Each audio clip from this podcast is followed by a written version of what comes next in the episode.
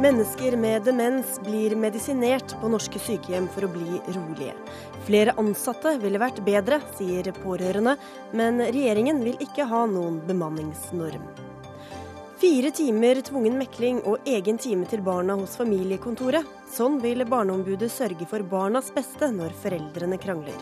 Bra mål, feil middel, mener familierettsadvokat. Fremskrittspartiet vil ta fra asylsøkere ankemuligheter og stramme inn norsk asylpolitikk. En god grunn til å danne regjering uten Frp, sier Venstre. Og Jostein Gaarder vil engasjere til klimakamp gjennom ny ungdomsroman.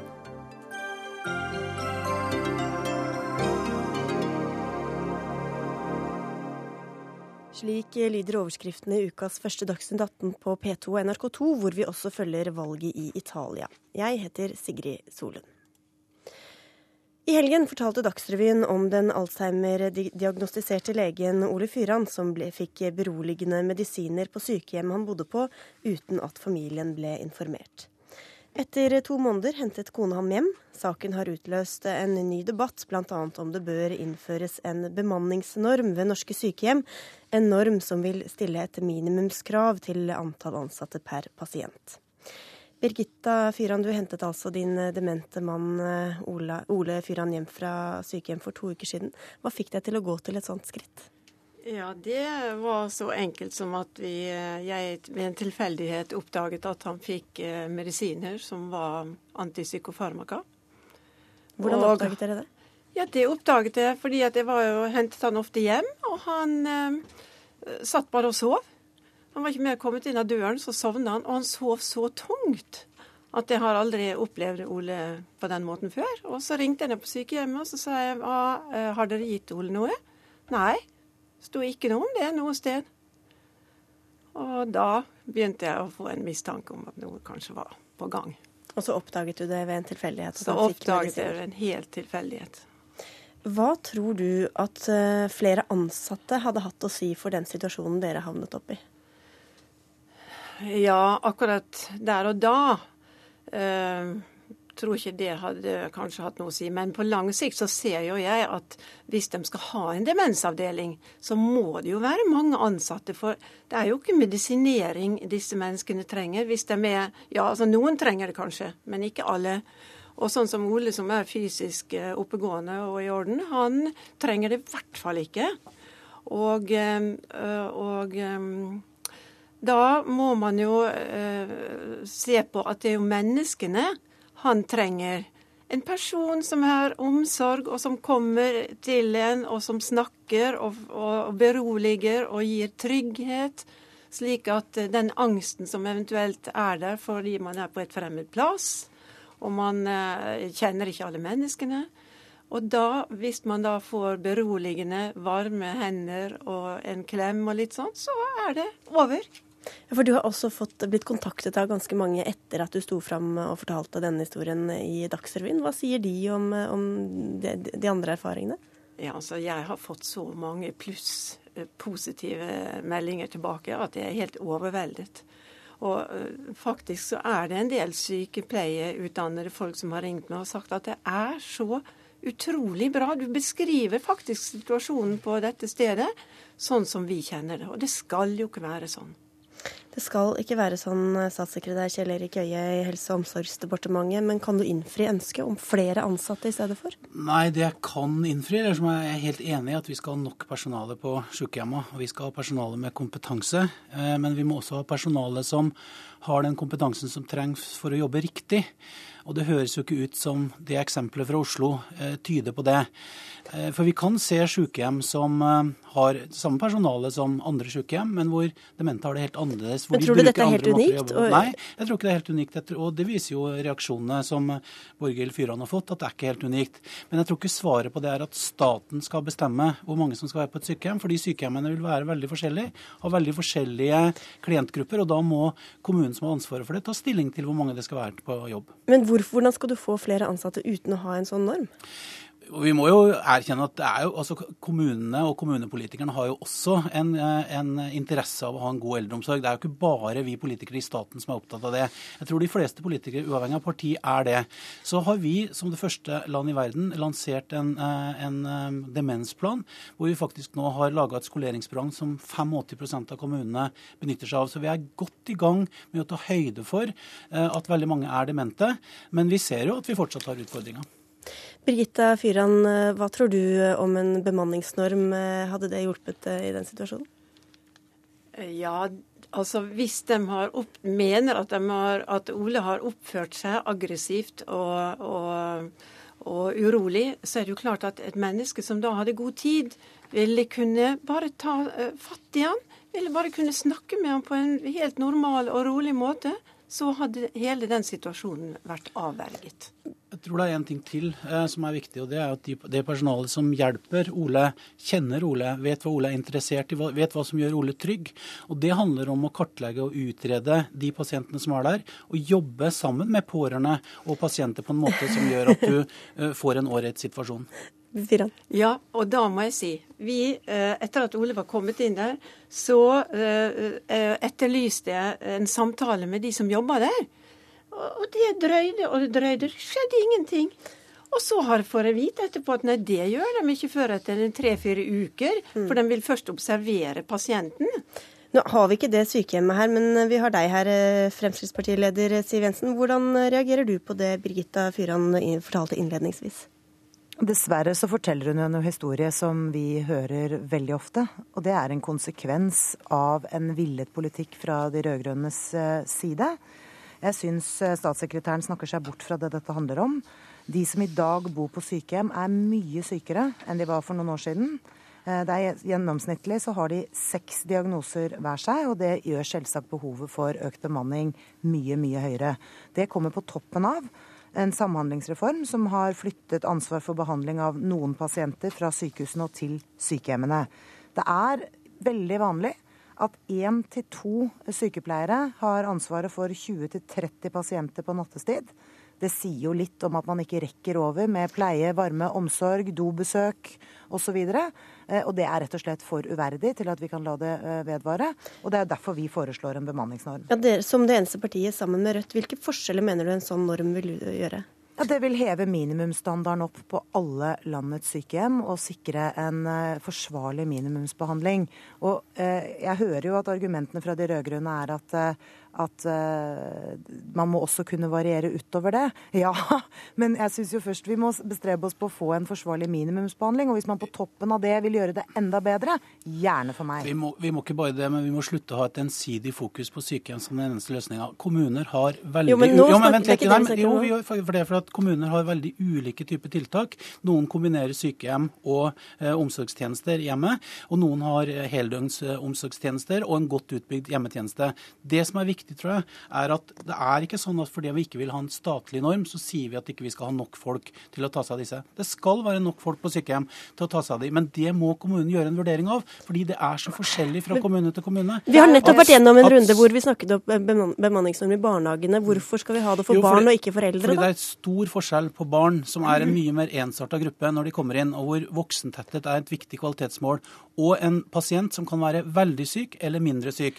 Så hører jeg at Siv Jensen sier at alle som er på sykehjemmet nå, er veldig syke. Jeg har vært på mange sykehjem rundt om i Norge. Jeg har sett veldig mye bra eldreomsorg med den samme bemanninga som andre sykehjem har, som ikke får det til. Så vi må også tørre å snakke om måten vi jobber på. Jeg har til gode enda å besøke et sykehjem som mener at de er overbemannet. Alle peker på den samme utfordringen. Og det er jo også sånn at personalet, sykepleierne, hjelpepleierne, går med dårlig samvittighet hver eneste dag. Fordi de føler at de ikke når over. Og jeg syns, med all respekt, det er helt fint at vi skal ha en variert eldreomsorg, og at det er forskjell på behov. Noen trenger bare hjemmehjelp, andre trenger hjemmesykepleie. Men i det øyeblikket behovet for sykehjemsplass inntreffer, så snakker vi om alvorlig syke mennesker, og det kan ikke eh, øyet snakke seg ut av. Men hvorfor stoler du ikke på at kommune og sykehjem klarer å løse dette lokalt? Ja, men det er, den, eh, det er jo grunnen til at vi har diskutert eldreomsorg nå i 25 år. Det er fordi man har fulgt den samme modellen og det samme systemet, som gjør at du får store lokale forskjeller. Jeg mener faktisk at vi skal ha en eldreomsorg som gir den eldre grunnleggende rettigheter uavhengig av hvilken kommune de bor i. Og da er det tre ting vi må gjøre. Vi må innføre bemanningsnormer, vi må få en statlig finansiering, og vi må innføre en lovfestet rett til hjelp når behovet Jeg er helt enig i at vi skal ha en eldreomsorg som er verdig og som ivaretar folk, men den kommer til å være ulik fra kommune til kommune fordi kommunene jobber ulikt. Og Det tror jeg Siv Jensen må ta inn over seg. Da må noen bare leve tror... med at de lever, lever i en kommune hvor ikke de får eh, det tilbudet de skal ha? Da. Nei, for da er det fullt mulig både å klage, og vi har tilsynsmyndighet som sjekker ut at ting er faglig forsvarlig. Så det er jo ikke sånn at de av oss som ikke vil ha en statlig norm, ikke vil ha nok personale. Men fungerer det i dag, da, syns du? Mange steder så gjør det det, men noen steder fungerer det åpenbart ikke. Og Birgitte Fyran er et eksempel på et sted hvor det ikke har fungert. Da skal vi bare få inn en stemme til her. Eli Gunhild By, du leder Norsk Sykepleierforbund, og dere er ikke så ivrige på en bemanningsnorm. Hvorfor ikke?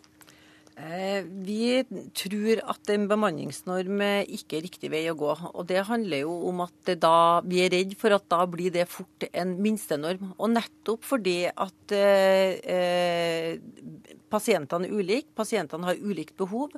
Eh, fra avdeling til avdeling, fra sykehjem til sykehjem, så er det stor forskjell på både hvordan man organiserer det, og hvilken kompetanse de som er der, faktisk har. For her handler det om kompetanse og kunnskap om eh, de pasientene som ligger der. Og det er helt avgjørende for at man skal klare å behandle pasientene riktig. Men hva er det som er galt med en minstenorm, da, som i hvert fall sikrer en viss bemanning? Nå er, det sånn at eh, får du en minstenorm, så, mener vi at den kan bli meget lav. Og har du en sykehjemsavdeling med demente pasienter, så trenger du også en vesentlig høyere bemanning med kompetanse som sykepleiere har, eh, enn hva du har i en vanlig sykehjemsavdeling. Så her er det svært ulikt behov, og også i forhold til nettopp hvordan kommunene har bygd opp eh, tjenestene sine, så er det et stort poeng i dette her. Hvorfor lytter du ikke da til sykepleierne som står oppe i situasjonen, Siv Jensen? Jo, jeg er enig i alt det eller By sier. jeg. det er bare det at sånn som situasjonen er nå, med så store lokale forskjeller, så er det til syvende og sist pasientene og de pårørende det går utover. I tillegg til selvfølgelig at øker frustrasjon hos mange sykepleiere og hjelpepleiere som føler at det ikke strekker til. Så er det jo opp til oss som i så fall fatter vedtak om en, om en bemanningsnorm å sette den standarden på et tilfredsstillende nivå. For den må jo ikke bli satt så lavt at det blir uforsvarlig. Da er jo hele hensikten borte. Men kan det da komme føre også til en overflødig arbeidskapasitet andre steder, hvis den settes så høyt som det man kanskje skulle være fristet til? Vi er jo langt unna en situasjon hvor vi begynner å diskutere overflødig kapasitet eh, innenfor eh, denne delen av eh, helse- og omsorgstilbudet. Det er også sånn at vi i årevis har hatt en diskusjon om hvordan vi skal få ned ufrivillig deltid ved mange omsorgsyrker.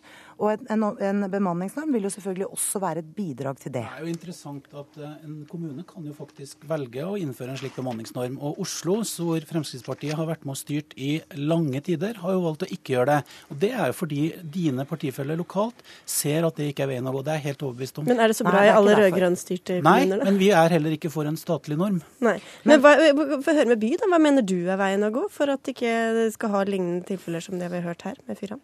Når man jobber med bemanning på ulike avdelinger, eh, sykehjem, hjemmesykepleie, sykehus rundt omkring i Norge, så har man helt klare eh, føringer på hva man trenger av kompetanse og bemanning eh, ut ifra hvilke pasienter man behandler. Det er det som vi må ta hensyn til. Da er det sånn at når Ole Fyran blir lagt inn på et sykehjem, så må vi sørge for at han ikke skal bli medisinert eh, på en måte som gjør at han er dopa. Eh, vi må sørge for at han har en god hverdag med en god eh, eh, eh livskvalitet i. Og, og da er det sånn at det går fint an å se på verktøy og bruke eh, normer i forhold til hvordan ting er, ut ifra de pasientene som er der. Og det er det som er hele poenget her. Men med, med, med deg også, Fyran, Hvor tålmodig blir du når du hører på de politikerne fra ulike partier her? Ja, Det høres jo veldig veldig bra ut. Det er mange reaksjoner, og jeg ser at det er poenget både fra den ene og fra den andre. Men jeg må si, jeg så jo også der nede at de som var kanskje minst kvalifisert av personalet, var kanskje de som hadde mest medfølelse med hvordan pasientene hva de trengte akkurat der og da. Mm. Så jeg er ikke så sikker på om det akkurat er um, bare de Ikke snakk om det med det dere var inne på med at det var leger som skulle økes, ja, antall leger. Men det er jo de som går på gulvet, og som, som, som viser omsorg, og som har et har et uh, naturlig omsorgsbehov for de, sted, for de menneskene som er der. Men det er også en annen ting, og det er at omgivelsene og arbeidsmiljøet i, på disse stedene som disse skal arbeide med et så tungt materiale. Jeg, jeg og, og da har dere styrt i mange år, Øye. Hvorfor skal vi tro det blir så mye bedre hvis dere styrer i fire til? Fordi det har blitt veldig mye bedre i de åra vi har styrt. Jeg vil anbefale Siv Jensen å dra til Bergen Røde Kors sykehjem, hvor de med det samme eh, antall personale som mange andre steder driver med musikk overfor demente, hvor de har fått ned medisinbruken, økt trivsel, fått mer ro. Men det er ikke fordi de har fått så mye mer folk, men fordi de jobber helt annerledes. Men, da vil jeg bare... Ja, bare ja, Før skifte Jensen, skal nei, du få komme til, Øye. Jeg er enig med Øye at det finnes mange gode eksempler på sykehjem som tar i bruk nye og utradisjonelle virkemidler som, har, som, virker. Helt enig i det, men det er ikke det dette handler om. Dette handler om å få nok bemanning til medisinering, til toalettbesøk, til å få frisk luft, til å få god mat. Helt, elemen, helt elementær basisstandard. Og det er rett og slett ikke godt nok, verken i Oslo eller i Arbeiderpartistyrte Trondheim. Og det handler ikke bare om kommunale prioriteringer, det handler også om summen av penger som overføres fra staten til kommunene. Og etter hvert så øker dette behovet i omfang fordi stadig flere mennesker blir eldre. Og da krever det en massiv utbygging og en vilje til å oppgradere bemanningen. Slippe til by på slutten. Jeg vil, jeg vil bare si, Man må huske på at her har vi mange gode eksempler på mange flotte sykehjem som klarer å få det til. Og da må jeg si at det måtte ha vært en lur idé å se på dem som faktisk får det til. Vi vet at vi har verktøy her. Vi vet at det er kjempestor forskjell mellom den faktiske og planlagte bemanninga. Vi har mange elementer som vi kan ta inn. Og da er det sånn at vi eh, klarer vi å se behovet til pasientene, så er det det som er det det er viktige når vi, når vi planlegger den bemanninga. Og da må vi ha kompetanse som, som tilsvarer og matcher pasientene. Det er jeg helt enig i. Og det, og det, er dere helt sikkert enige om alle sammen. Han nikkes rundt bordet her. Takk skal dere ha for at dere kom til Dagsnytt 18. Kjell Erik Øie fra Helse- og omsorgsdepartementet, Fremskrittspartileder Siv Jensen, Eli By fra Norsk Sykepleierforbund, og ikke minst Birgitta Fyran.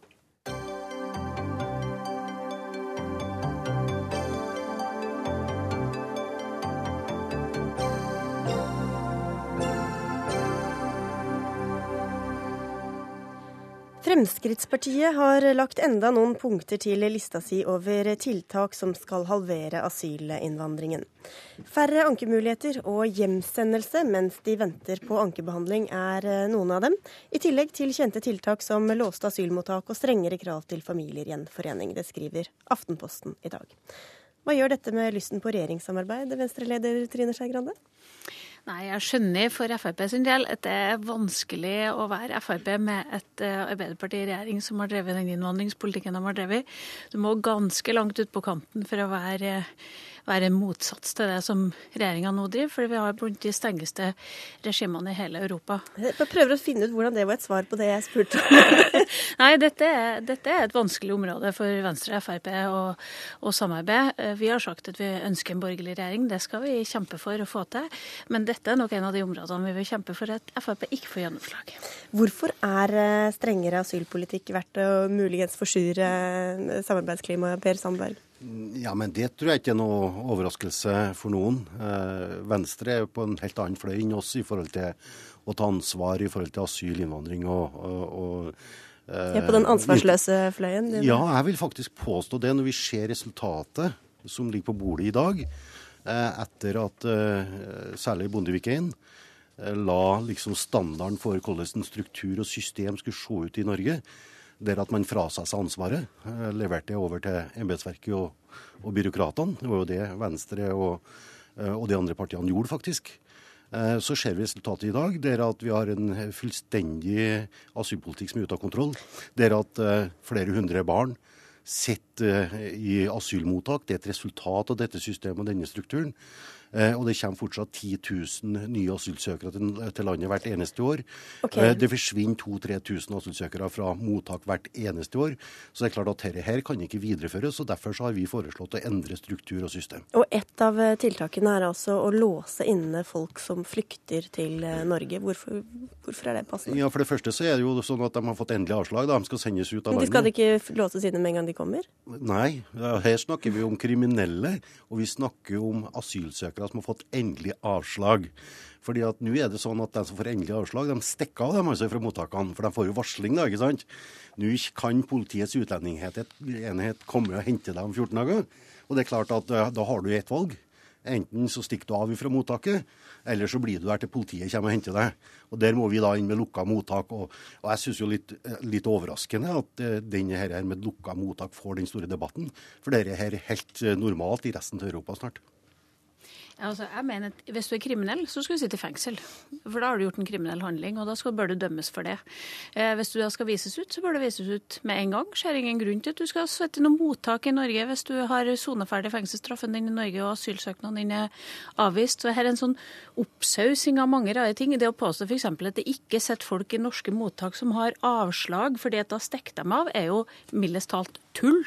Det norske mottak er stappfulle av folk som har hatt avslag og avslag mange ganger. Det bør Per Sandberg reise litt rundt og kanskje snakke med folk og få den virkelighetsforståelsen. Men- men- det jeg mener er at du ikke skal kunne Det å søke asyl, det er en, det er en menneskerettighet. Det er grunnlagt i menneskerettighetene. Det er ikke noe grunnlag for fengsling. Og hvis folk gjør kriminelle handlinger mens de søker asyl, mener jeg at vi bør ferdigbehandle søknaden her i Norge. Og så bør vi sende folk ut, helt ut, ikke tilbake igjen til Tyskland eller det landet de først søkte men, men jeg, jeg reiser, har besøkt mange asylmottak, jeg, og jeg har fulgt med i asyldebatten og resultatene av den i, i, i 16 år på Stortinget. I forrige uke så var jeg i debatter der at jeg diskuterte hvorfor at forsvinner 2000-3000 asylsøkere fra norske mottak fordi at de har fått endelig avslag. Det er en realitet. Og Sånn har det vært over mange år, det. At man forsvinner ifra mottak. Eh, Og det er fordi at man har fått endelig avslag. Eh, Og da skjønner jeg veldig godt det, at den som har fått endelig avslag og venter på utsendelse, vil stikke av. Eh, hvis alternativet er å bli hjemsendt på, til opp, opprinnelseslandet. Og hvis det hadde vært så enkelt, Trine, som du sier, man skal behandle raskt søknaden, og så skal man sendes ut umiddelbart. Ja, Hvorfor har man ikke gjort det da? Det er jo det som er noe av problemstillinga.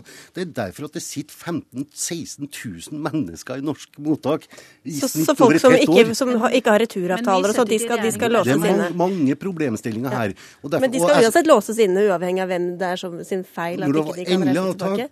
endelig avslag, så skal du i lukka mottak. Og jeg mener jo faktisk også at den som kommer til Norge i dag, det er at du mangler ID. Men husk på at du mangler ID-en. Det er ikke mange av disse som har sannsynliggjort hvem de er engang. Og det i seg sjøl er jo uansvarlig. Jeg har ikke lyst til at vi bare skal snakke om lukka mottak. Til spørsmålet ditt. Til spørsmålet ditt. Her er regjeringsspørsmålet. Her er Venstre og Fremskrittspartiet uenige Ja. om lukka mottak eller internering eller forvaring. Nå har den andre eventuelle regjeringspartneren, da, Høyre, et forslag liggende som skal behandles på deres landsmøte om internering. Og Da blir det jo interessant å se hva Venstre da måtte gjøre i forhold til Høyre i så måte. Vi får ta det når den tid kommer. Men bare, men bare, jeg vil ikke at det bare skal handle om, om lukka mottak. Vi får ta inn en tredjeperson her. Janne Rånes, du er leder i Norgesprogrammet til eh, Redd Barna. Og dere reagerer også på noen av tiltakene, bl.a. Altså mest for asylbarna. Hva frykter dere kan skje med FrPs politikk? Når vi leser eh, sånne avisartikler, så tar jo vi på oss barnekonvensjonsbrillene. Eh, vi er en, eh, en barnerettighetsorganisasjon som egentlig ikke har så sterke innvandringspolitiske synspunkt. Men når vi ser at det kommer tiltak som direkte går på tvers av internasjonale forpliktelser som en har, så tenker jeg at heldigvis så er det sånn at eh, barn har et sterkere vern enn det som ligger inne i et eh, partiprogram til enhver tid. Det er sånn at Barnekonvensjonen er norsk lov. Eh, alle politikere og alle mennesker i Norge må forholde seg til norsk lov. Og det er nesten så du får lyst til å minne om at man kan ikke melde seg inn og ut av Barnekonvensjonen. En må faktisk først av alt legge til grunn det vernet som ligger der. Og da er Hva er det det som går på tvers av det, da? ja, da, Det med internering er litt uklart. for det, vi har hørt det tidligere at man ønsker i større grad å internere, altså dvs. Si ha lukka mottak av asylsøkere. Veldig mange asylsøkere har med seg unger. Vårt utgangspunkt er der har unger ingenting å gjøre. Så det bare fastslår vi. Unger skal ikke inn på institusjoner som ligner, som er lukka. Det er en barndom som går helt på tvers av det vi vet er en god barndom for et barn. Det andre som jeg syns er veldig problematisk med de her forslagene, er de to forslagene som beveger seg i ytterkanten av rettssikkerheten til ungene. Eh, og foreslå at man skal innskrenke anke, ankemulighetene. Eh, og likeens òg til og med foreslå at man skal kunne sende ut eh, asylsøkere mens de venter på endelig svar, er problematisk. Vi vet at når vi vet at det er saksbehandlingsfeil i første instans. Vi vet at når ungene får opp saken sin i UNE etter en anke, og etter en, også etter en omgjøringsbegjæring, så gjør man om saken. Det er veldig ofte fordi ungene sitt perspektiv i første instans, altså i mm. UDI, er for dårlig belyst. Og da blir det farlig å legge seg inn på en linje der man innskrenker det. Da vil jeg høre på det. Nå er vi ferdig med de lukka mottakene, ja, Per Sammer. Nå tar vi den og altså, sender hjem og så tilbake igjen. La meg først få si at jeg har voldsom respekt for Redd Barna. Og jeg har etter 16 år på Stortinget jobba kontinuerlig for å forsterke barns rettigheter. Særlig å få implementert hele FNs barnekonvensjon. Det har vi ikke gjort ennå. Men nå sier hun at du går på tvers av det. Men det Redd Barna burde ha konsentrert seg om, det er hva Fremskrittspartiets politikk hadde resultert i hvis det hadde vært gjennomført fra 2001. Ja, men hun forholder seg da, til, de, til, de, tingene du sier nå, hvis jo, du kan svare jo, på det. men Du vet ikke svaret på det. For vi diskuterer ut Du kan ikke spore tida tilbake, Per. Vi skal forholde oss til politikk i dag. Kan jeg få svare? Situasjonen i dag, i dag har kommet dit hen at det er inhumant for barn og barnefamilier. Hvis Fremskrittspartiets politikk hadde råda fra 2001, så hadde vi ikke vært i denne situasjonen. da hadde gjort. vi hatt rask behandling, og da hadde man okay, utsendelse mye raskere. Deg til den situasjonen vi så, er i i dag. Og så, man diskuterer her situasjonen for mange barn uten å diskutere foreldrene sitt ansvar og politikerne som har lagt strukturen, sitt ansvar. Så om, det, de, disse, om barnekonvensjonen da brytes, alle, så er det verdt det? Nei, men jeg er ikke så sikker på at vi bryter barnekonvensjonen her. for Hvis det er sånn at Norge skal bryte barnekonvensjonen med denne politikken, så er det en rekke andre land som gjør det også. Til ankemuligheten. Vi har foreslått å opprette en forvaltningsdomstol. For ankesystemet i dag setter jo disse barna i bero. Du skaper falske forutsetninger, forhåpninger for disse barna og barnefamiliene. Det er at man sitter årevis i mottak. Vi vil ha slutt på det. Vi vil ha en rask avgjørelse for å skape trygghet, forutsigbarhet for barna og barnefamiliene. Okay. Det tredje vi, ja, vi, vi, ja, okay. vi, kan slippe til Trine Skei Grande først. her. ja, fordi Jeg er veldig for kjappere saksbehandling. Alle er for det. Og jeg tror det hjelper også i forhold til barn. Derfor så har vi faktisk bevilget mer penger i våre alternative statsbudsjett til saksbehandling, mens Frp da kutter saksbehandlinga. Og det er noe med at her henger det ikke sammen. Det er noe med overskriftene, og det er noe med, med proporsjonene. Fordi Med FrPs politikk så hadde vi ikke trengt så mye saksbehandling, nei, Nei, ja, men det er helt korrekt. Men det er Programlederen har forstått det, Tine. Du har ikke forstått det. Ja, det går an at hun bare har hørt deg argumentert som følger, nemlig at asyl, antall asylsøkere har ingenting med krig og konflikter i verden. Det har bare med hvor snill statsministeren er. Og det er bare tull. Antallet asylanter det har med hvor mange kriger det er i verden, hvor mobile de krigene er, hvor stor forfølgelsen er under de krigene, og det er det som fører til utfordringer. Det, tar, det tar Venstre helt feil. Man snakker jo vi, Vi har så mye landskap. Når vi mislykkes i Somalia, som verdenssamfunn og som FN, så får det en følge i Norge når det gjelder asyltilstrømmingen. Når vi går inn i Irak, når det blir en krig i Afghanistan, så får det en følge i forhold til asylinnstrømninga.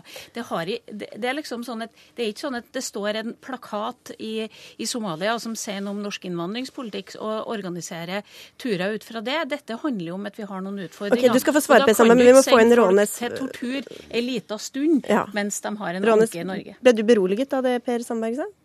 Vi er nok enige om at rask saksbehandling er veldig viktig, men nå har vi både i den stortingsmeldinga som har gått gjennom i Stortinget, gjennom ulik forskning og dokumentasjon av hvordan asylforvaltninga jobber i barnesaker, fått dokumentert. Altså Vi vet at man ikke tar vare på barnas perspektiv i de sakene. Man hører ikke på ungene, og hvis man hører på dem, så baker en ikke inn det ungene har sagt, inn i avgjørelsene.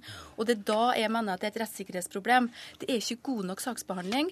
Man ser ikke på unger som det som kalles individuelle rettssubjekt. Altså Man ser ikke på dem som unger med selvstendige rettigheter. Og da tenker jeg at parallelt med at man har en rask saksbehandling, så må man gjøre veldig mye for å få et sterkere, altså en sterkere barnefaglig kompetanse og et barneperspektiv som gjennomsyrer forvaltninga. Da tror jeg også at man vil få en eh, gjennomstrømming av, av sakene. Men rask saksbehandling kan gå på bekostning av kvaliteten, og det er jeg redd for. Jo, men, men, det henger jo sammen med hvor mange asylanter som kommer til landet også. ikke sant? Vi har ikke et apparat som greier å takle det. Og når du har hele tida restanser, der at det sitter 15 000-16 000 mennesker i mottak hele tida, saksbehandlinga er på mellom 200 og 300 dager, så vil du få dette resultatet. Men på, jeg, jeg syns jo at Redd Barna og andre bør diskutere system og struktur, sånn at vi, vi så vi slipper å få gjentakelser og diskusjoner okay. om flere hundre barn i mottak. Jeg er nødt til å avslutte avslutte, dessverre. Vi skal eh, til eh, Italia. Takk skal dere ha, Trine Skei eh, Grande, Janne Rånes og Per Sandberg, for at dere kom til Dagsnytt 18.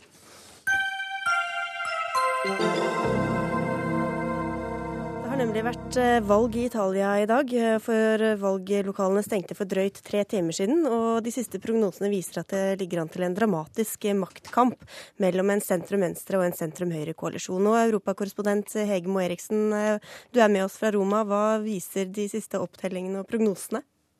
Ja, akkurat nå så ser det ut som Italia styrer rett mot en ganske fastlåst situasjon i parlamentet.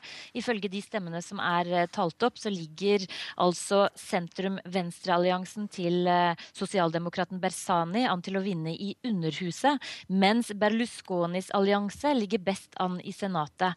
For å danne regjering så må et parti ha flertall i begge disse husene, og får man ikke det, så må man prøve å forhandle med andre partier om en koalisjon som kan få eh, flertall. Men problemet med dette er at eh, Italia risikerer å få en svak regjering med et svakt grunnlag i parlamentet, og det er omtrent på verst tenkelige tidspunkt, midt i en alvorlig krise for landet. Vi skal komme litt tilbake til det, men pendelen har altså svingt de siste timene mellom høyre- og venstresiden. Hvor mye kan vi stole på de siste målingene nå foreløpig?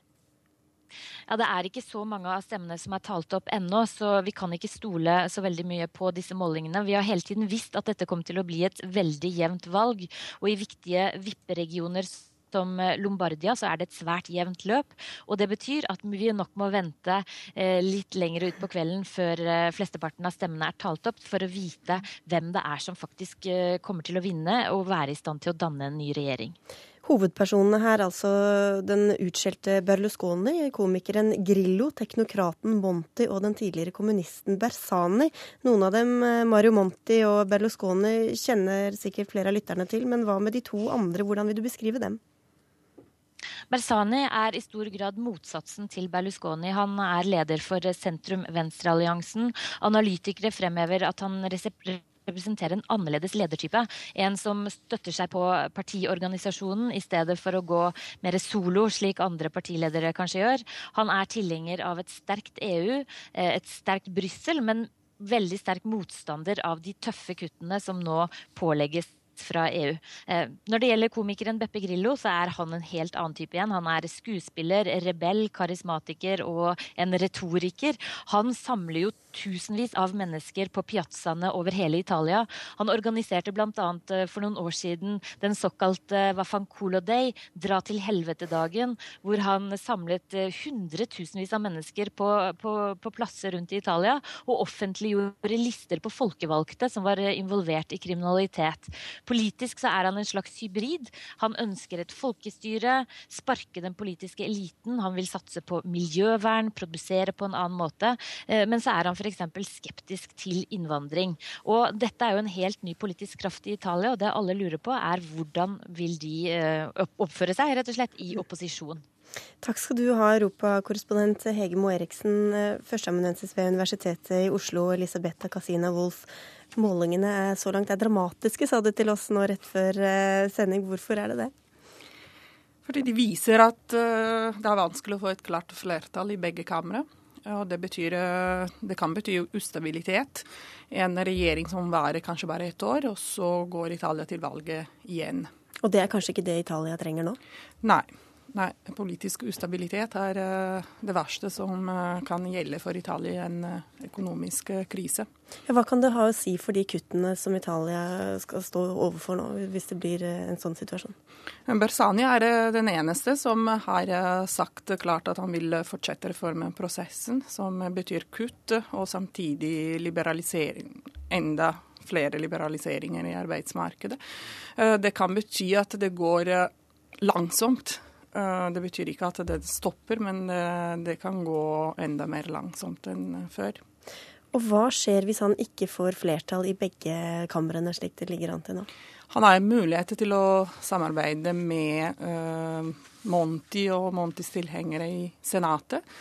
Og så er det håp at uh, Grillos tilhengere oppfører seg pent i parlamentet. At de ikke er så revolusjonære som, som, lederen, som tross alt ikke er i parlamentet. Han var ikke kandidat ved valget. Eh, det er, det er, håp at eh, Det demokratiske partiet klarer å finne en dialog med de såkalte grillini, Grillos uh, tilhengere, som, som, nå sitter i parlamentet. Det er vel grunn til å tro at det er mange EU-land som følger spent med på det som skjer i Italia i dag. Hva kan konsekvensene bli for den europeiske økonomien?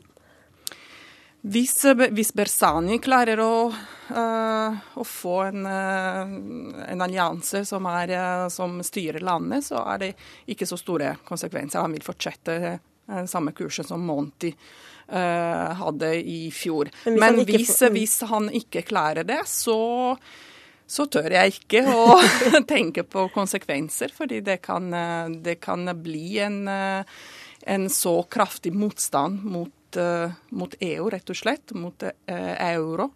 Eh, mot den europeiske integrasjonsprosessen. Altså både på venstre og, og høyre side, altså både hos Berlusconis parti, Lega Nord ikke minst, og hos Grillos parti, så er det veldig mange som er imot Eh, den europeiske integrasjonsprosessen, og vil Italia ut av euro.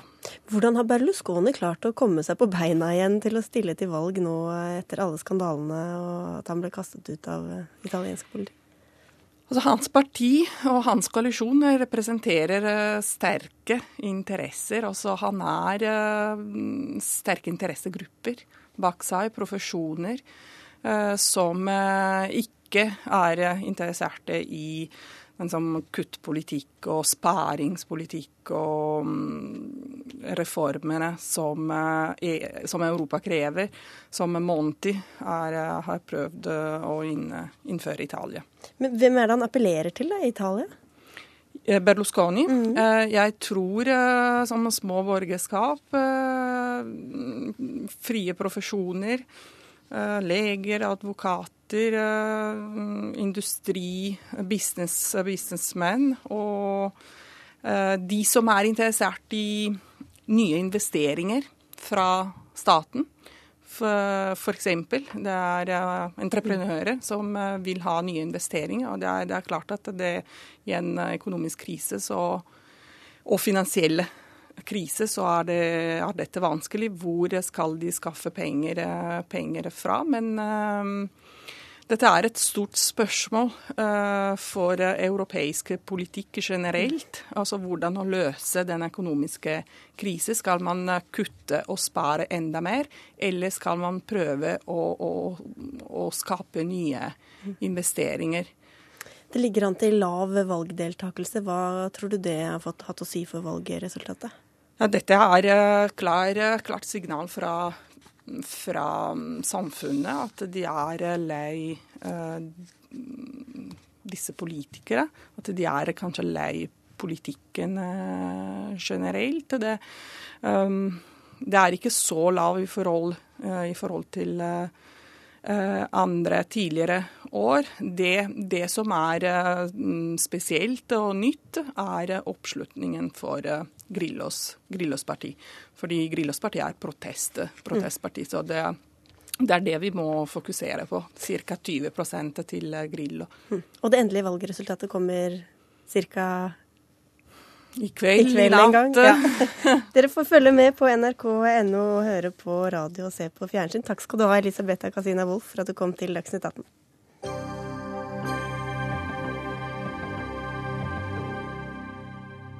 Jostein Gaarder har skrevet en bok om klima som skal opplyse folket. Snart her i Dagsnytt 18 møter han den litt skeptiske høyrepolitikeren Heidi Nordby Lunde. Men nå, Barneombudet vil ha mer mekling og lytte mer til barna for å hindre at konflikter mellom foreldrene går utover ungene. Langvarige og intense konflikter er omsorgssvikt og kan gi barna angst, depresjon, lavere selvtillit eller dårligere skoleprestasjoner, kan vi lese i Aftenposten i dag.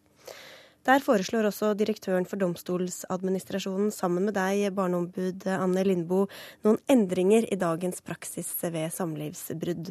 Og hva, skal, hva foreslår dere for å hindre at disse sakene havner i retten? Altså, vi er veldig opptatt av at eh, disse sakene skal løses på så lavt eh, nivå som mulig, eh, og da helst i familievernet. Sånn som det er i dag, så er det bare krav om én times obligatorisk megling før foreldrene kan ta saken over til rettssystemet. Og så ser man at nesten 80% av sakene, når du kommer for domstolen, løses før det blir rettssak. Og da tenker vi at potensialet er ganske stort i forhold til å løse disse ved en mekling på familievernkontoret. Så vi ønsker en utvidet mekling for foreldre før eh, sakene kommer opp for eh, rettssystemet. Fra én til fire timer? Ja. Hva tror du det kan hjelpe på? Jeg tror at det kan hjelpe foreldrene eh, å få barnet tilbake i eh, fokus. Fordi at ofte så er det så mye bitterhet og, og aggresjon og sinne i disse sakene at man rett og slett kan miste eh, barna av syne. Og når det kommer en nøytral part som er en profesjonell megler, sånn som de som jobber i familievernskontoret er, de kan familiekonflikter, de kan kan eh, dette fagfeltet. Det er et lavterskeltilbud. Når de eh, kan hjelpe foreldrene å, fremme barnets eh, sak, så kan det være enklere at det blir mindre beskyldninger, og at man kan komme fram til en løsning uten at det må opp for rettssystemet. Gunhild Lærum, du er advokat med mange års erfaring fra familierett, og dere er helt sikkert enige om målet, men hva syns du om virkemidlene som presenteres? Vi er jo enige om mange ting av det som står i artikkelen i dag, men det som jeg har tiltro til rettsvesenet, og det som er mitt poeng, det er at det må gå en viss tid før eh, mange foreldre dessverre er mottakelig for gode innspill. Og hvis man skal ha tvunget megling, så ligger det liksom på en måte i ordet. Da tvinger man de til å komme sammen og prøve å forsøke å forlike noe. Når vi kommer i rettsapparatet, så har det gått en viss tid, og det er mye fagkyndighet i rettsapparatet. I disse sakene så blir ofte da sakkyndige eh, de blir koblet inn før man er i første rettsmøte. Det er det som gjør mange ganger at vi får til forlik. Men kunne man da like gjerne ha ventet et par måneder med den meklingen, da? Altså Mitt poeng er i hvert fall at det må gå en viss tid. Jeg har ingen tro på at den meglingen, eh, selv om det er én gang eller fire ganger, skal føre til gode resultater, selv om vi håper det for unga sin skyld. Men da må det være en viss periode som går. Og Poenget her er jo at eh, det er omsorgssvikt når foreldrene krangler veldig. Så jeg tror i hvert fall på at må, tiden må være med på å dempe det litt. Barne- og likestillingsminister Inga Marte Thorkildsen kunne ikke komme hit, men hun sier til NRK at hun ikke er for flere timer med tvungen mekling, bl.a. fordi at i 2007 ble den obligatoriske meklingen redusert fra tre timer til én, uten at det ble flere rettssaker av den grunn. Eh, Lindboe, hvorfor tror du at en reversering eller enda flere timer da vil få den ønskede virkningen? Altså her er det viktig å presisere at dette dreier seg om de sakene Eh, ikke om alle saker. Eh, der foreldrene er vel forlikte, så, så er det jo unødvendig å øke eh, antall timer med tvungen megling. Dette dreier seg om de sakene Så det skal ikke være obligatorisk for alle? Nei. Jeg mener de sakene som kommer opp for der foreldrene ønsker å bringe saken inn for retten, at før de får mulighet til å gjøre det, så bør de gjennomgå fire timer tvungen megling. Og grunnen til det er at én time forteller de som jobber i familievernet selv, ofte er altfor lite til å motivere foreldrene. De trenger mer tid på å forsøke å få foreldrene til å skjønne hva dette dreier seg om, og få som jeg sa tidligere, barnet i fokus. Og Ikke minst er det veldig viktig at barnet selv eh, får en mulighet til å uttale seg. Eh, og Det viser en del forsøk som er gjort bl.a. på familievernskontoret i Molde. Der eh, lyttet de til barna og lot barna få komme til orde. Og så viderebrakte de da barnets mening og oppfatning til foreldrene som en nøytral part. Og da viste det seg at foreldrene kom fram til bedre løsninger, de samarbeidet bedre. fordi at de når dette kom fra en nøytral familiemegler, så trodde de på det. på en måte. Da ble det ikke sånn at dette har bare mamma sagt for å ja, Hun bruker det mot meg, og det er ikke sant, og barnet mener ikke det og sånn. Men du er ikke så veldig begeistret for dette forslaget heller? Jeg, jeg mener at dette er et voksenproblem. Dette er voksne i konflikt som eh, krangler om det kjæreste de har, og det som kan medføre de styggeste diskusjoner. Det har vi hørt. Men det må ikke overlates til å bli et problem for barnet. Vi ser eh, etter mange års erfaring med disse ungene at de er veldig, veldig lojale. Barn er veldig lojale, og de, veldig ofte det er vanskelig å kunne si noe. For når de sier noe, så kan det bli tolket enten at de tar parti for mor, eller at de tar parti for far. At barn skal høres, det er lovbestemt, og det skal de få si sin mening fra de er syv år gamle nå. Men det, altså, enda mer at ungen dras inn, det tror jeg kan medføre at de føler at de må ta stilling flere ganger. og Det kan være veldig belastende. Og enda mer ansvarliggjørende overfor barnet, eller kan det oppfattes sånn? i hvert fall? Altså, jeg, jeg, er veldig uenig her, da, for jeg mener at uh, her er det jo ikke snakk om å tvinge barn. Altså, Det er et frivillig tilbud at barn skal få muligheten til å si sin mening. Og jeg tenker at barn er selv eksperter på eget liv. Det Men tror du at de selv kan føle da, at det de sier blir veldig viktig for hvem som vinner i konflikten mellom far og mor? Barna selv eh, sier at de ønsker å bli hørt på familievernkontoret. Eh, og jeg tror at eh, som sagt, Det er ikke snakk om at de skal bestemme, eh, men det er selvfølgelig de voksne som skal ta avgjørelsen om hvor barna skal, skal bo. Men det er viktig å lytte til barna og høre på de ønskene de har, og så forsøke da det å gjøre, eller komme fram til en løsning som er til det beste for både familien og barna. Da. Men hvis foreldrene ikke er modne nok til å klare å bli enige seg imellom, hvorfor tror du de er modne nok til å ikke legge det ansvaret over på, på barn, det barnet som står i midten? Jo, for jeg tror at hvis meglerne i en sak på familievernkontoret har snakket med barnet, setter seg ned med foreldrene og sier at vet du hva, Kari eller Pål fortalte faktisk at han syns dette her er skikkelig kjipt. Han har vondt i magen, han har problemer med å konsentrere seg på skolen. Han ønsker å bo hos pappa pga. det, eller hos mamma pga. det. Så er det faktisk en, en, sjanse, det er ingen garanti selvfølgelig, men det er en sjanse for, og det viser også de studiene der man har forsøkt å høre barna, det er en større sjanse for at foreldrene kommer til enighet. Og hva er poenget med å lytte, si at man skal lytte til dem, hvis man ikke faktisk setter seg ned og lytter til dem eh, på et familievernkontor f.eks.? Ja, det er, dette er vanskelig, fordi vi har snakket med mange barn. Og det er mange barn som kommer nå, eh, når de er 18, 19 og 20 år, og sier hvordan kunne dere tillate at vi bodde en uke hos hver? Det skal aldri jeg gjøre med tillate for mine egne barn. Det er mange som sier hvorfor gjorde dere ikke mer? Vi har en del eksempler på at barn syns det har vært veldig vanskelig både å måtte si hva de mener et, på et familievernkontor, for det har man også hatt muligheten til før. De har vært med tidligere også, og også å si det til en dommer eller til en sakkyndig. Dette er veldig, veldig komplisert, og unger syns ofte det er veldig belastende og bare sier la noen andre bestemme. Ja, så, så, nok en gang, da. Dette er, jeg har en annen oppfatning. Jeg tenkte at Dette er selvfølgelig frivillig, og det er ikke noe barna skal tvinges til, men de skal få muligheten. Altså, Nå så viser jo en Sintef-rapport at det er i 4 av sakene bare hvor familiekontoret faktisk, eller meglerne har hørt barna. Det er altfor dårlig. Eh, barn har krav på å bli hørt om viktige forhold som angår dem selv. Eh, og så må de selv få bestemme om de ønsker å å snakke med familievernkontoret eller ikke. Hvis ikke skal de selvfølgelig få slippe. Ut fra meldingen fra departementet så ser det ikke ut til at du får det som du ønsker, foreløpig i hvert fall. Men uh, dere får ha takk for at dere kom hit til Dagsnytt 18 og tok debatten. Barneombud Anne Limbo og advokat Gunhild Lærum.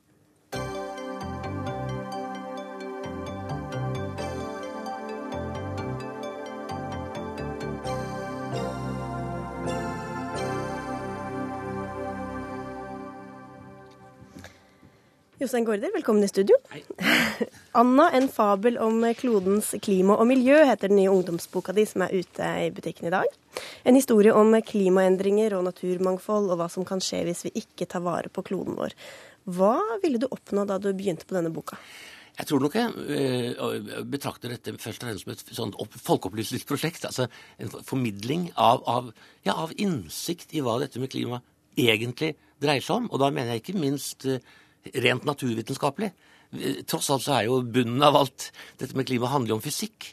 Relativt enkel fysikk. Altså hva skjer når man forbrenner store mengder av, av karbon som har ligget i jordskorpa ikke sant? I, i, i millioner av år på veldig kort tid. Og du mener altså det er behov for dette ut fra noen litt sånn personlige undersøkelser du har gjort eh, blant din eh, omgangskrets? Ja, jeg må innrømme at jeg har drevet litt sånn, nesten litt sånn frekk quiz eh, blant mennesker jeg treffer. Og da mener jeg godt utdannede, intellektuelle, berømte forfattere og filosofer, og stilt noen sånne helt alminnelige spørsmål som f.eks.: Har du noen peiling på hvor mange flere prosent CO2 det er i atmosfæren i dag enn det var før vi begynte å forbrenne kull og olje for 200 år siden.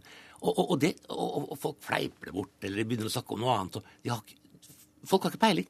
Tallet er 40% Det er altså 40% mer CO2 i atmosfæren enn eh, det var da den industrielle revolusjonen begynte. Og, og, og, med det har jo også da temperaturen øket, ikke sant? Men hva slags ansvar mener du intellektuelle eh, kunstnere, forfattere som deg selv har for å, eh, for å ta del i den debatten? Altså, jeg berører jo nå denne gamle diskusjonen om de to kulturer. Altså humanister ikke sant? Og, og, og naturvitere, og hvordan de skal forstå hverandre og snakke samme språk. Men det er slik fortsatt at det er liksom litt sånn pinlig hvis en realist ikke har hørt om Goethe eller Novalis eller, eller, eller Shakespeare. ikke sant? Eh, men det er ikke, man kan kokettere med, man kan dermed smiske seg til en viss sånn morsom oppmerksomhet ved å si at de har ikke peil på hvem Newton var, eller, eller, eller Einstein, eller, eller altså, hva, hva, hva, dreier klimaspørsmålet seg egentlig om? Det er vel ikke de intellektuelle som kanskje føler seg mest truffet når de leser denne boka. Det er oljenæring, unnfallende politikere, kravstore forbrukere og klimaskeptikere får alle gjennomgå. Hvor mener du ansvaret ligger for at det ikke skjer mer på denne fronten? Jeg tror kanskje at det, Noe av nøkkelen er rett og slett det jeg sier med folkeopplysning. Altså jeg, tror, jeg, jeg tror faktisk at det, altså Husk på at nå, nå hadde jo en sånn bølgetopp uh, av oppmerksomhet uh, om klima f.eks. da Al Gore fikk fredsprisen ikke sant, sånn, for noen år siden. Og, og, og, nå er det en bølgedal. Dette er en undersøkelse som viser helt tydelig. På den annen side i USA har jo faktisk altså da opinionen endret seg i, i, retning av større og større forståelse av at klima, disse klimaendringene er menneskeskapte. Ikke bare etter stormen Sandy, men etter all tørken de senere år i, i, i Texas og, og store deler av USA. Pluss at jeg så akkurat nå her i går faktisk, at eh, av altså alle vitenskapelige artikler som er skrevet det siste året om, om eh, klima, så er det bare 0,0017 av artiklene som, er, eh, som, som, avviser at klimaendringene er menneskeskapte. Så, så det er skjedd en viktig opinion, eh, omveltning, er i ferd med å skje i USA, og den kommer her også. Og den kommer før stortingsvalget. Men det er mange du må jobbe for å overbevise kanskje ikke så mye deg. Jeg vet ikke, stortingsrepresentant, eller ikke ennå, stortingskandidat for Høyre. Heidi Nordby Lunde, du sa til eh, Aftenposten nylig at du ikke kjøper helt konklusjonen til FNs klimapanel. Hvor mye kjøper du av det Gaarder sier? Du vet hva, eh, Til daglig så jobber jeg med bedre forbruk gjennom at vi skal bruke ressurser og ledig kapasitet eh, bedre. Så jeg ønsker velkommen alle tiltak, og, og gjerne forfattere og bøker som ønsker å bevisstgjøre folk, og på en måte politikere, forbrukere, næringer, på at dette dette kan vi gjøre på en bedre, bedre måte. Men det jeg sa jeg eh, var skeptisk til, er ikke klima som sådan. Det syns jeg blir litt tullete i 2013 å si. Men jeg er skeptisk til mange av tiltakene som, eh, som har vært foreslått. Eh, Bl.a. at man skulle ha en nullvekstideologi for, for økonomien, som jeg tror kommer til å skade klimatiltak. For vi trenger penger til å investere i ny teknologi, nye løsninger. Og en nullvekstideologi på, på økonomien vår, det er egentlig det samme som å si at vi skal ha resesjon. Det tror jeg ikke er er bra for noen av oss. Men virkelighetsforståelsen din er altså den samme som den Jostein Gaarder har? Jeg ser for meg at vi, vi har store miljøutfordringer som vi, som vi må gå inn og, og, løse. Og der er jeg helt eh, enig med Gaarder i at det er mange her som egentlig må dele ansvaret. Og jeg likedeler det ansvaret mellom både høyre- og venstresida i politikk. Fordi en del av de forslagene som kommer, eh, de tør ikke ta en del eh, forslag som, som kan gjøre dem upopulære blant. F.eks. det du nevner som kravstore forbrukere.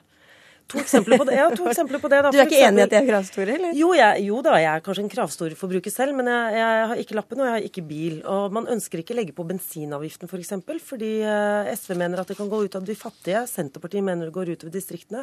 Høyresida er, er generelt uh, uenig i den fordi at de mener at det kommer som en tilleggsavgift på toppen av bilavgifter generelt. Så de vil ikke gjøre det dyrere for forbrukerne. Men de som da mener at kloden er i ferd med å gå under, og ikke er villig til å da Men syns at norske bønder eh, og fattige som da har råd til å ha bil, er viktigere enn å faktisk gjøre noe eh, som endrer forbruket vårt, da stoler jeg ikke helt på dem. Nei, men altså, jeg mener at det, altså, alle klimaforskere, altså alle som jobber med dette rent naturvitenskapelig, er bekymret. Altså, De sier ikke at de er pessimister, for det, det pågår jo nå internasjonale forhandlinger osv. Jeg er ikke pessimist heller. Det velger jeg ikke å være. Det er litt sånn dekadent å være pessimist. ikke sant?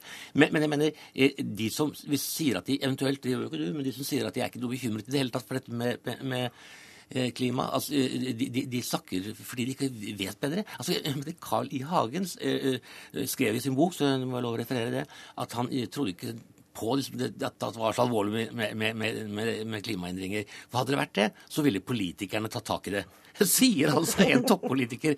Det er sånn, men, men, er det ikke litt det samme som Heidi Nordby Lunde? Altså, vil, mener du da at man skal doble bensinavgiften eller uh, innføre kjempestrenge tiltak? Jeg mener at dersom man mener at CO2-utslipp Men mener du det, da? Ja, jeg mener at CO2-utslipp er, er, et problem. Jeg, uh, så da mener du at man burde doble bensinavgiften? Ja, jeg vil gjerne jeg vil mer enn doble. Altså gjøre noe som faktisk endrer forbruket vårt, men det tør vi ikke gjøre.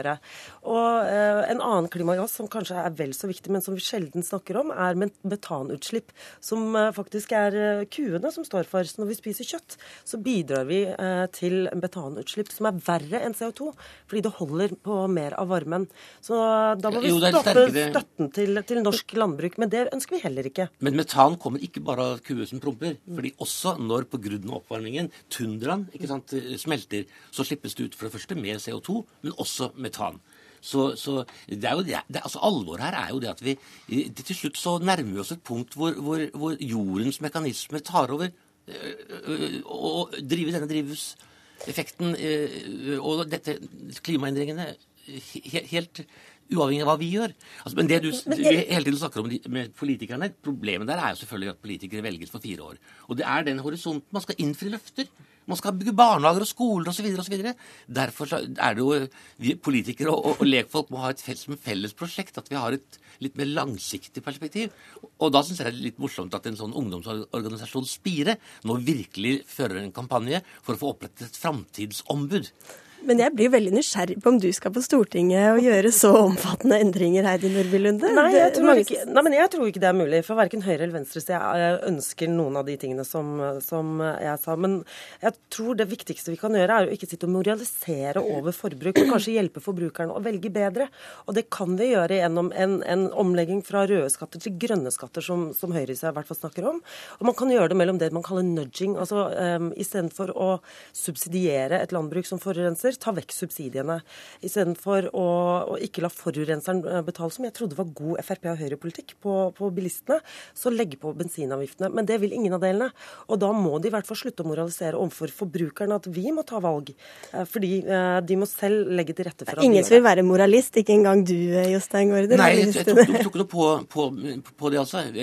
Moralisme. Men vi, vi kan bruke ordet pronomene 'vi'. Vi, vi, vi, kan godt snakke om at vi kjører for mye bil, vi reiser for mye med fly, uten at vi, jeg skal begynne å se deg inn i øynene og si, moralisere over at du har en større bil enn meg, eller at du reiser flere ganger til utlandet. Jeg, jeg, tror, tror, jeg, er egentlig veldig enig med det, i det du sier. at vi må, vi, må Og jeg, mener at forbrukeren også har et ansvar. Ja, Det er veldig koselig det her. Men jeg må bare spørre deg, fordi i den boka, det er jo riktignok en roman, men da tar du utgangspunkt i noen av de verste scenarioene, fordi forskerne er jo uenige om hvor ille det kan bli, og hva som blir effekten av det, den og den uh, endringen. Hva, hva sier du til de som vil anklage deg for å bidra til dommedagsprofetier? Jeg jeg for jeg, jeg, sier ikke noe. altså Jeg predikerer ikke noe eh, om, om, fremtiden. altså Dette er jo 70 år frem i tid. Men jeg forteller om en merkelig jente med et utrolig fantasiliv og et utrolig drømmeliv, som mer og mer drømmer at den er sitt eget oldebarn som lever i 18, nei, nei, 2082. Men poenget er at jeg lar det skje noe, noe magisk, noe eventyret, jeg skal komme inn på det her, i 2082, som gjør at hun får rykke tilbake til start. Altså at, at, verden får en ny sjanse. Så dette er en veldig evangelisk fortelling som handler om at det er ikke for sent. Verden får en ny sjanse. Og hva ville da din hovedperson si til Heidi Nordby Lunde, som kanskje velges inn på Stortinget til høsten? Eh, ja, hun, hun, vil vel kanskje liksom eh, ja, si at sånn kan det bli hvis vi ikke eh, feiser dette problemet. Altså, det, det, er jo det er ikke bare et utsagn, alle politikere sier det, men det er sant. Er den største utfordring menneskeheten har i vår tid, og, og i all tid, faktisk. Det jeg liker med den type scenariotenkning Jeg er litt skeptisk til at hvis den er for ille, så føler vi oss veldig maktesløse. Og da er kanskje bidrar vi ikke fullt så mye til å løse problemene. Men det jeg liker med en fabeltenkning og en scenariotenkning, er at med en gang vi kan se det for oss og forestille oss det, så kan vi også forstå hva vi må gjøre i vår nåtid for å gjøre noe med utfordringene. Og det tror jeg en sånn bok kan bidra til. Jeg tror denne debatten kan eh, bidra til det. Men da må vi også ha, ha noe mot blant politikere som, som tør også gjøre en forskjell også. Og Mener man seriøst da at kloden går, eh, går under, at vi er i ferd med å være i en sånn vendetid hvor det vi gjør nå, påvirker det som skjer 50 år framover? Du sier hele tiden 'hvis man mener det', da. Ja, men... Jo, fordi at det, det, jeg sitter jo ikke på Stortinget ennå, men de som, diskuterer, de som diskuterer dette i, i, dag, da må de også være villige til å gi oss løsninger som fungerer i morgen. Så nå kan klimaskeptikerne stryke deg fra medlemslista? Det må de veldig gjerne gjøre. Så det som skjedde i fjor, i 2012, det var for det første en rekord eh, av liten ismengde i, i Antarktis, ikke sant? Nei, i Arktis. Eh, og med alle de følgene det vil få. Og det andre er at klimaforskere over hele verden køp ned fra gjerdene eller fra sine kontorer og ut i gatene og sa vi har ikke samvittighet til annet. nå må vi advare mot at nå er vi på kollisjonskurs med naturens tåleevne. Vi får takke for at dere ikke akkurat krøp, men i hvert fall eh, vandret inn i Dagsnytt 18s studio for i dag. Heidi Nordby Lunde og Jostein Gaarder, for sendingen er slutt. Ansvarlig for den var Anne Katrine Førli. Teknisk ansvarlig Karl Johan Rimstad, og jeg heter Sigrid Solund.